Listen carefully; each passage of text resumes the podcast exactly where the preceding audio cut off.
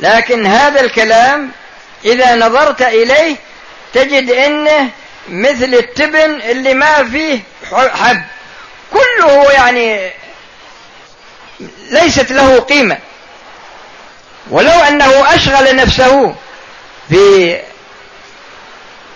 أشغل نفسه في أمور تعود عليه بالفائدة لكان أحسن. قد يقول قائل ما هو السبب في هذا؟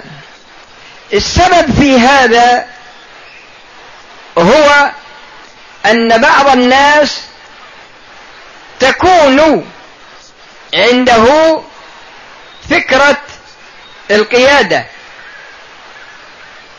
ولهذا هذا ظاهر تجدونه في الأطفال الصغار عندما يريدون أن يلعبوا كل واحد يريد أن يكون هو القائد في اللعبة. ولهذا تجدون واحد من هنا يقول من معي والثاني يجي هنا ويقول من معي. يعني أنا القائد. فتجد إن بعض الناس تستولي عليه هذه الصفة في المجلس ويحب أن يتكلم كثير ولا يفكر في معاني الكلام كما ذكرت لكم قبل قليل. وبناء على ذلك فعلى الإنسان أن يريح نفسه وأن يريح لسانه وأن يختصر وقته ويقتصر على أقل الكلام الذي يمكن أن يؤدي هذا المعنى. وبإمكان الإنسان أنه يقرأ في الكتب وبخاصة كتب الأدب. وفي وقبل هذا بإمكانه أنه يتنبه إلى ما ذكرته لكم من هذه الظاهرة في القرآن وهي أن كثيرا من الآيات لفظها موجز لكنها تشتمل على معان عظيمة وكذلك أحاديث الرسول صلى الله عليه وسلم. ويأتي بعد ذلك مثلا آه كلام الصحابة والتابعين وأتباع التابعين وكذلك إذا أراد الإنسان أن يتوسع يقرأ في كتب الأدب. يقرأ في كتب الأدب. فهذه صفة ثانية أو آفة ثانية وهي تعويد الإنسان لسانه على فضول الكلام. وهذا معنى فضول الكلام يعني ما يتعلق بالناس الآخرين لا. هذا يتعلق بتصويره للمعاني الذي التي عنده يصورها هي معان لكن يصورها في كلام كثير. وقد يستخدم أيضا التكرار يعني يكرر الكلام مرتين ثلاث مرات أربع مرات فعلى الإنسان أن يتنبه إلى هذه الصفة ويتجنبها. كم الساعة الآن؟ ها؟ إيه، باقي شوي. الصفة الثالثة يعني أو أو الآفة الثالثة أو الصفة الثالثة التي يوظف الإنسان لسانه فيها هي الكذب.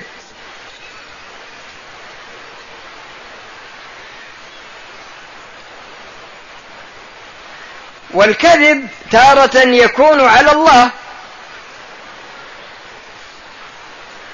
وتارة يكون على الرسول صلى الله عليه وسلم. الله تعالى يقول للرسول ولا تقف ما ليس لك به علم. ويقول قل إنما حرم ربي الفواحش إلى أن قال وأن تقولوا على الله ما لا تعلمون. ويقول الرسول صلى الله عليه وسلم من كذب علي متعمدا فليتبوأ مقعده من النار. وبعض الناس في الزمن الماضي ما أظن موجود الآن. كانوا يضعون أحاديث ويقولون إن هذا فيه ترغيب للناس. لكن ترغب الناس بشيء لم يقله الرسول صلى الله عليه وسلم وتنسبه إلى الرسول صلى الله عليه وسلم هذا ليس بصحيح. وعلى هذا الأساس يتجنب الإنسان يعني الكذب على الله من جهة مثل مثل الآن بعض الناس اللي يفتون ويقولون هذا مثل واحد هالأيام. يعني ما أدري سبحان الله يقول ليس في القرآن ولا في السنة والأمة أيضا مجمعة على أن الحجاب يعني يقول ليس في القرآن دليل يعني يدل على وجوب الحجاب وليس في السنة دليل يدل على وجوب الحجاب. والإجماع يقول دال على أنه ليس في القرآن ولا في السنة. يعني سبحان الله عندما تنظر إلى هذا المتكلم تجد أنه ينطبق عليه كلام شيخ الإسلام رحمه الله. يقول يفسد الناس أربعة. نصف متكلم. ونصف متفقه. ونصف متطبب. ونصف نحوي.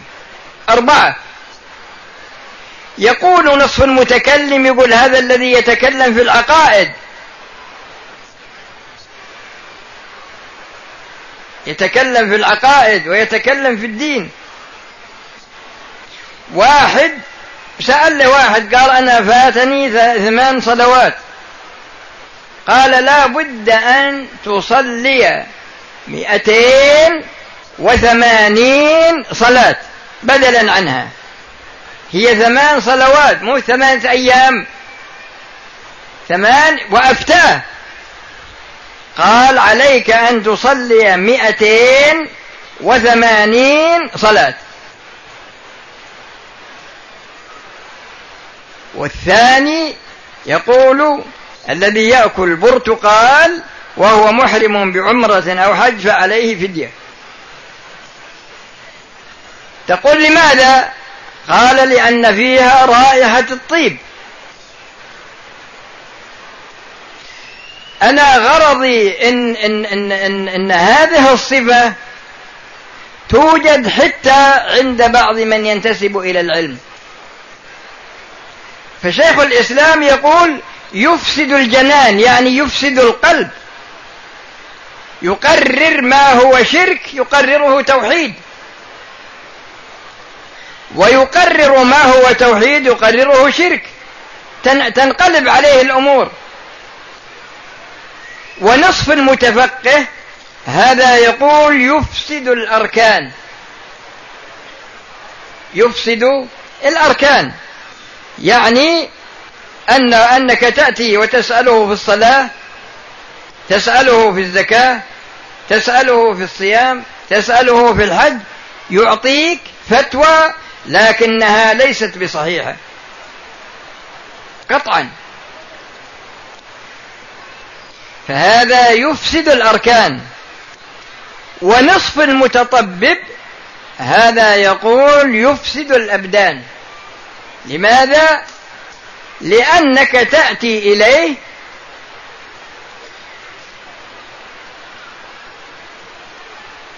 ويكشف عليك ويصف لك دواء يمكن تموت بسببه. لماذا؟ لأن ما عرف المرض. سألني أمس واحد يقول عنده مريض يقول يقول إني عرضته على عدة مستشفيات وكل مستشفى يقرر تقريرا يناقض تقرير المستشفى الآخر. إلى يقول حتى وصلت إلى مستشفى ذكروه لي ومدحوه وقالوا لي يقول رحت لمه وعرضت المريض هذا عليه يقول وقالوا إن مريض إن إن هذا الشخص ليس فيه أي آفة من الآفات.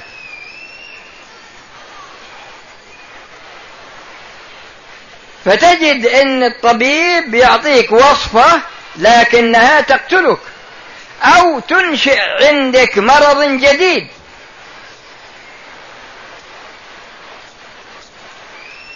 لأن الطب شيء والطبيب شيء.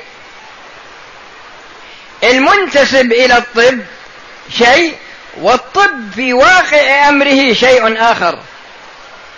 لكن هل هذا الذي انتسب إلى الطب عالم بالطب أو أنه منتسب إليه انتساب؟ والرابع يقول يفسد اللسان. النحوي نصف النحوي.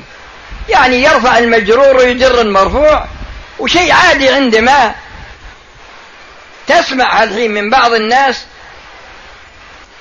ويتكلم ويجر المرفوع ويرفع المجرور وكان عنده مثل ما قال شخص ما فعل أبوك بحماره قال باعه.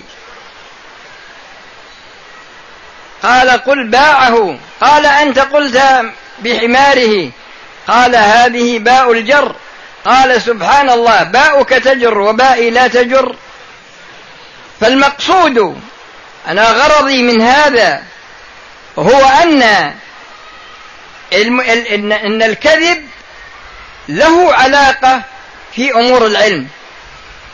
سواء تعلق بالله جل وعلا أو تعلق بالمخلوقين. أو تعلق عينا بالرسول صلى الله عليه وسلم.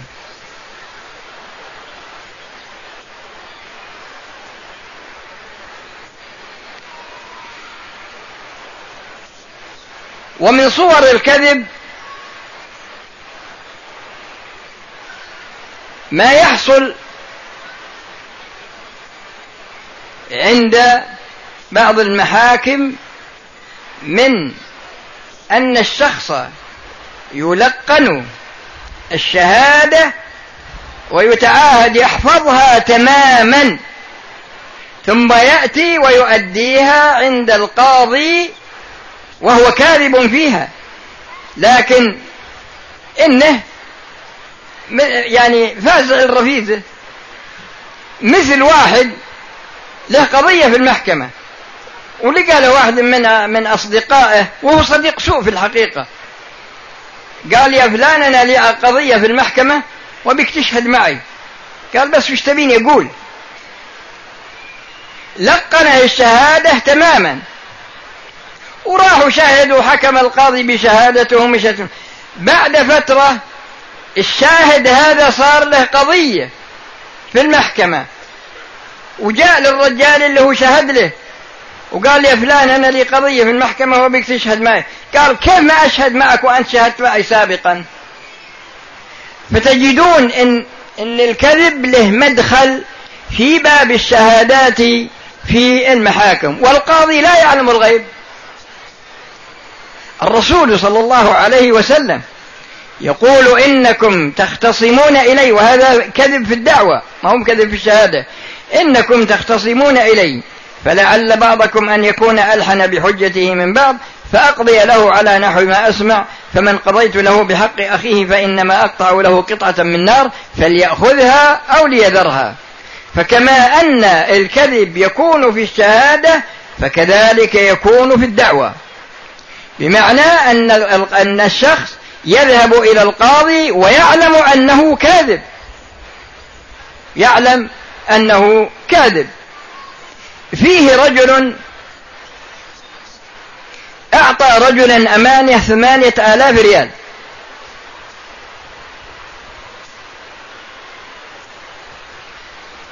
ولما جاء المؤمن يريد أن يأخذها من المؤمن عنده قال ما أمنت عندي إلا أربعة آلاف. قال أمنت عندك ثمانية؟ قال لا أربعة. قال بأشتكي قال روح اشكالي راح وشكى اجلسوا عند القاضي. القاضي بشر. البينة على المدعي واليمين على من أنكر. المؤمن ما عنده شهود. قال له مالك إلا يمينه. قال أنا راض يمين يحلف. حلف. عند القاضي إن الرجل هذا ما أمن عندي إلا أربعة آلاف. رضي قام وانتهت القضية. ما الذي حدث؟ قام هذا الرجل الذي حلف وذهب إلى مزرعته وفيها مكينة. شغل المكينة يبيها تسقي الزرع انكسرت المكينة. قال له لده روح جيب لنا إسعاف من البلد. ركب الولد السيارة يجيب إسعاف وصدم. في نفس اليوم اللي حصلت فيه القضية. هاتان عقوبتان. انكسرت المكينة وصدم الولد عرف أن هذه العقوبة سببها أنه كذب في يمينه عند القاضي. راح لصاحبه وقال أنا يا أخي تذكرت أنك أعطيتني ثمانية آلاف. قال أنا ما أقبلها منك إلا عند القاضي راح يشكني راحوا شكاو عند القاضي. اجلسوا عند القاضي وأقر القاضي طبعا أدبه بسبب أنه كذب. فغرضي أنا إن, إن الكذب هذا داخل في باب الخصومات. لأن في بعض الناس يحب أن يكون غالبا مثل ما سألوا شخص. قالوا أنت دائما ال ال يعني يصير الحق لك. قال لا. ليس معنى هذا أنني صاحب حق ولكني أغلب بقوة حجتي. ويعلم أنه كاذب. فغرضي أنا إن باب الشهادات يدخل فيه الكذب وباب الخصومات بالنسبة للمدعي وبالنسبة للمدعى عليه يدخله الكذب. وهكذا بالنظر إلى أن الإنسان قد تسأله ويكذب. وقد يؤيد كذبه باليمين ويكون أيضا كاذبا. وتكون هذه يمين الغموس. على هذا الأساس يحتاج الشخص إلى أن يروض نفسه على صفة الصدق. ويتجنب الكذب في مجالات كثيرة حتى في مجال المعاملات في البيع والشراء وما إلى ذلك في مجالات كثيرة. لكن الغرض والإنسان يعرف من نفسه أنه صادق أو كاذب. فإذا كان يعلم من نفسه أنه كاذب فعليه أن يتقي الله جل وعلا لأن هذا الكذب الذي سيصدر منه سيسجل في صحيفة عمله. وسيسأله الله جل وعلا عن هذا القول. هذه ثلاثة ثلاثة أمور كلها من الأمور التي ينبغي للإنسان أو يجب على الإنسان أن يتجنبها. كونه يدخل فيما لا يعنيه وكونه مثلا يأتي بفضول الكلام وكونه يتصف بصفة الكذب لأن أيضا حتى صفة الكذب من صفات النفاق. أنا أقتصر على هذه الأمور الثلاثة وإن شاء الله في الدروس القادمة آتي بما بقي والحمد لله رب العالمين وصلى الله وسلم على نبينا محمد وعلى آله وأصحابه أجمعين. والآن نأتي إلى الإجابة على الأسئلة.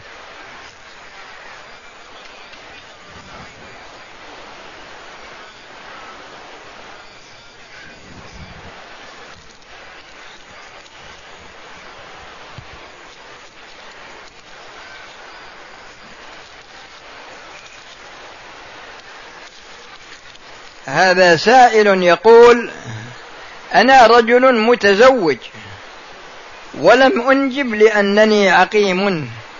ما هو جزاء الصابرين في الدنيا والآخرة مع أمنيتي بدعوتك والحاضرين؟ نسأل الله لنا ولك النجاة من النار والحاضرين جميعا.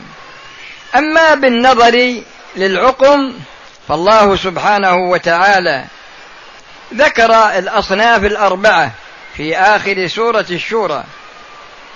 يهب لمن يشاء إناثا ويهب لمن يشاء الذكور أو يزوجهم ذكرانا وإناثا ويجعل من يشاء عقيما.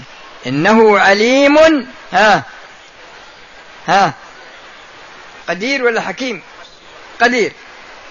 معنى هذا ان ما جعل هذا عقيم الله لحكمة ولا جعل يأتي هذا إناث وهذا ذكور وهذا يأتي ذكور كل هذا لحكمة.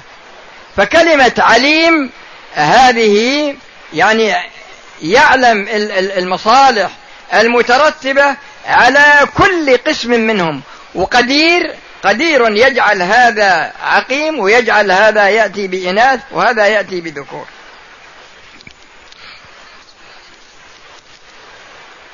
نحن في بلد لا يسمح لنا بإعفاء اللحية في الدوائر الحكومية وقد واجهت مشاكل في عملي بسبب إعفاء اللحية وطلب مني تقليلها. على كل حال القاعدة العامة أنه لا طاعة لمخلوق في معصية الخالق. تبرع رجل تبرع بقطعة أرض لمسجد بعد سبع سنوات بنى بنى المقبرة بنى مقبرة في جهة قبلة المسجد. لا المسجد ما يكون في قبلته مقبرة. وإذا كانت هذه المقبرة من أرض المسجد فلا يجوز لأنه أوقفها مسجد ولا يجوز له أن يتصرف فيها بمقبرة.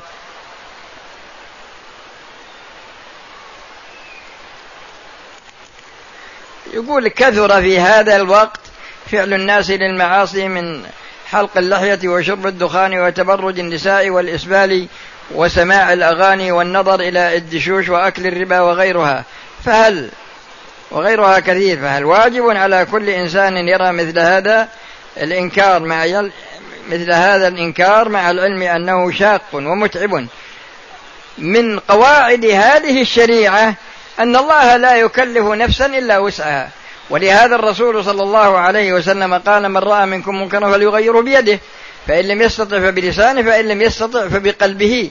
يعني إنك تكره المعصية وتكره العاصي.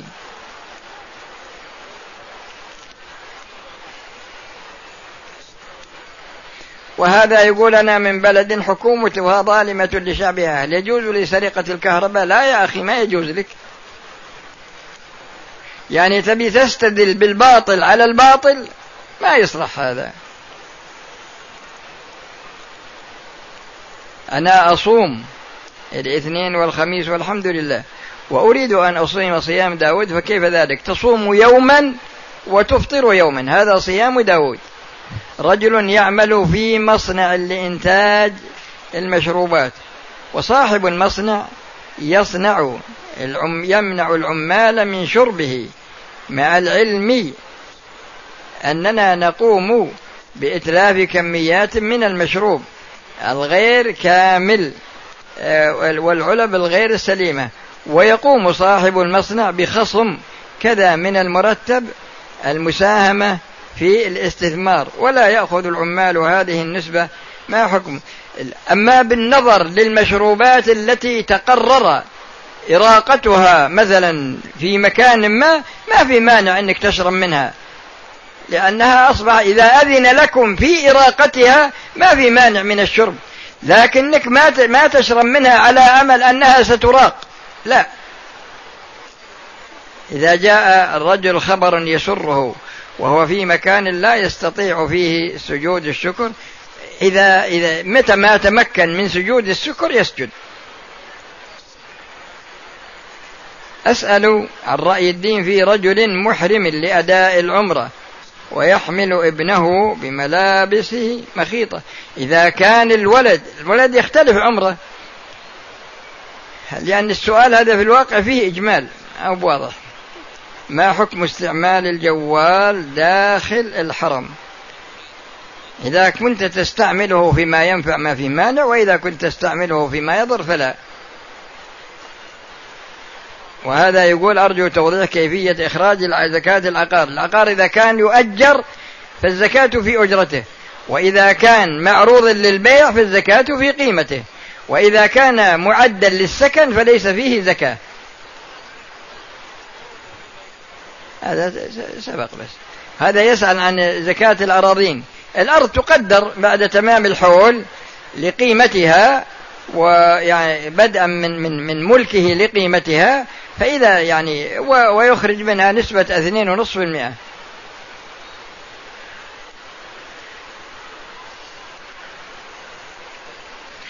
وهذا يقول ما حكم من يقوم ببناء وحجز الأراضي من غير علم الحكومة؟ هذا ما يجوز له. ويقول هذا هل قراءة القرآن دون تجويد جائز؟ نعم. تقرأ القرآن لكنك لا تخل بشيء من ألفاظه. رجل حضر خطة الجماعة ثم اضطر للخروج. الجمعة يمكن. ولما عاد وجدهم قد أنهوا صلاة الجمعة. إذا كان الله يعلم. إذا كان إنه مضطر ما عليه شيء يصليها ظهرا. أنا شاب لكن في نقطة ودي أنبهكم عليها لأن يخطئ فيها كثير جدا. بعض الناس يأتي إلى الإمام في صلاة الجمعة وقد جلس للتشهد. يعني صلى الركعتين ما بقي عليه إلا التشهد. فيدخل معه فإذا قام صلى ركعتين. وهذا ليس بصحيح. إذا جئت وقد رفع الإمام من الركوع من الركعة الثانية في صلاة الجمعة فلا تدخل معه إلا بشرطين. الشرط الأول أن تدخل معه بنية الظهر. والشرط الثاني أن يكون وقت الظهر قد دخل.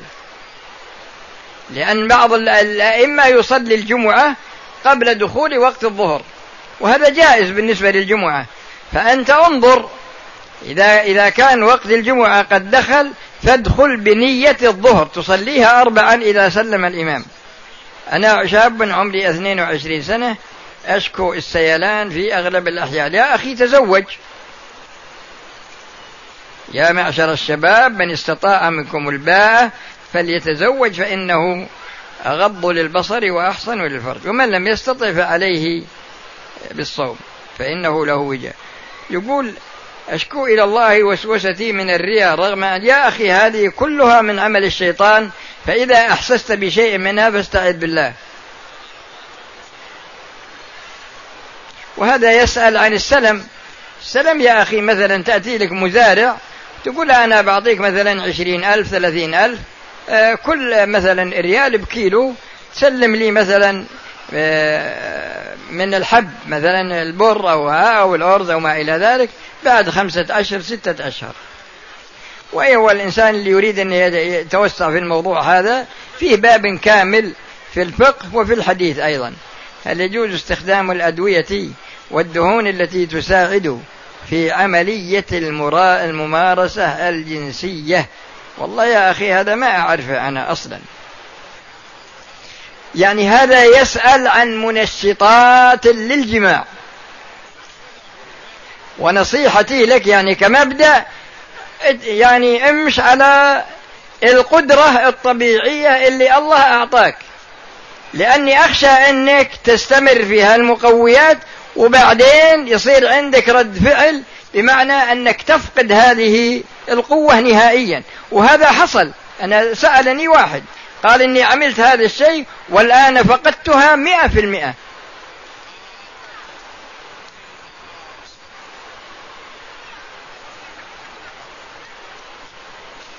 وهذا يسأل يقول كيف يطرد المسلم الوساوس؟ الوساوس تطردها بالاستعاذة لأنها من نزغات الشيطان. ويقول هذا الوالد إذا أوصى ولده بأمور مبتدع مبتدعة لا يجوز له أن يطيعه لأنه لا طاعة لمخلوق في معصية الخالق. وهذا من الوسواس وسبق الجواب عنه. يقول المطوف الذي يأتي بنا من بلدنا مبلغ آه، ما يعادل كذا خمسمائة خمسمائة وخمسين ريال سعودي ويتكفل بالمنامة والذهاب والإياب وكذلك الزيارات ويعطي لمن يؤمن له عشرة معتمرين مبلغ معين ما يعادل كذا. فهل هذا جائز بس لا يروح بكم المزارات يعني مزارات بدع.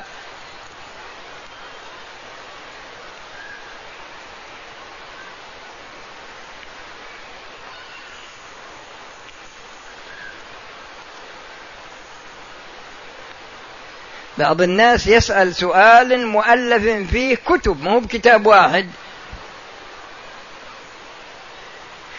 مثل واحد يسأل يقول وش حكم معاملات البنك الأهلي؟ طيب معاملات البنك الأهلي كل يوم كل يوم مش كثرها؟ وهو يسألك عن معاملات البنك الأهلي دائما فبعض الناس يصوغ السؤال وهو ما يدري وشو خذ. الحائض إذا قدمت من بلدها وإذا زوجها ماذا يلزمها؟ المرأة إذا كانت إذا قدمت من بلدها وهي حائض إذا مرت الميقات تحرم. وإذا وتبقى في مكة فإذا طهرت تغتسل وتتوضأ وتطوف وتسعى وتقصر. بس.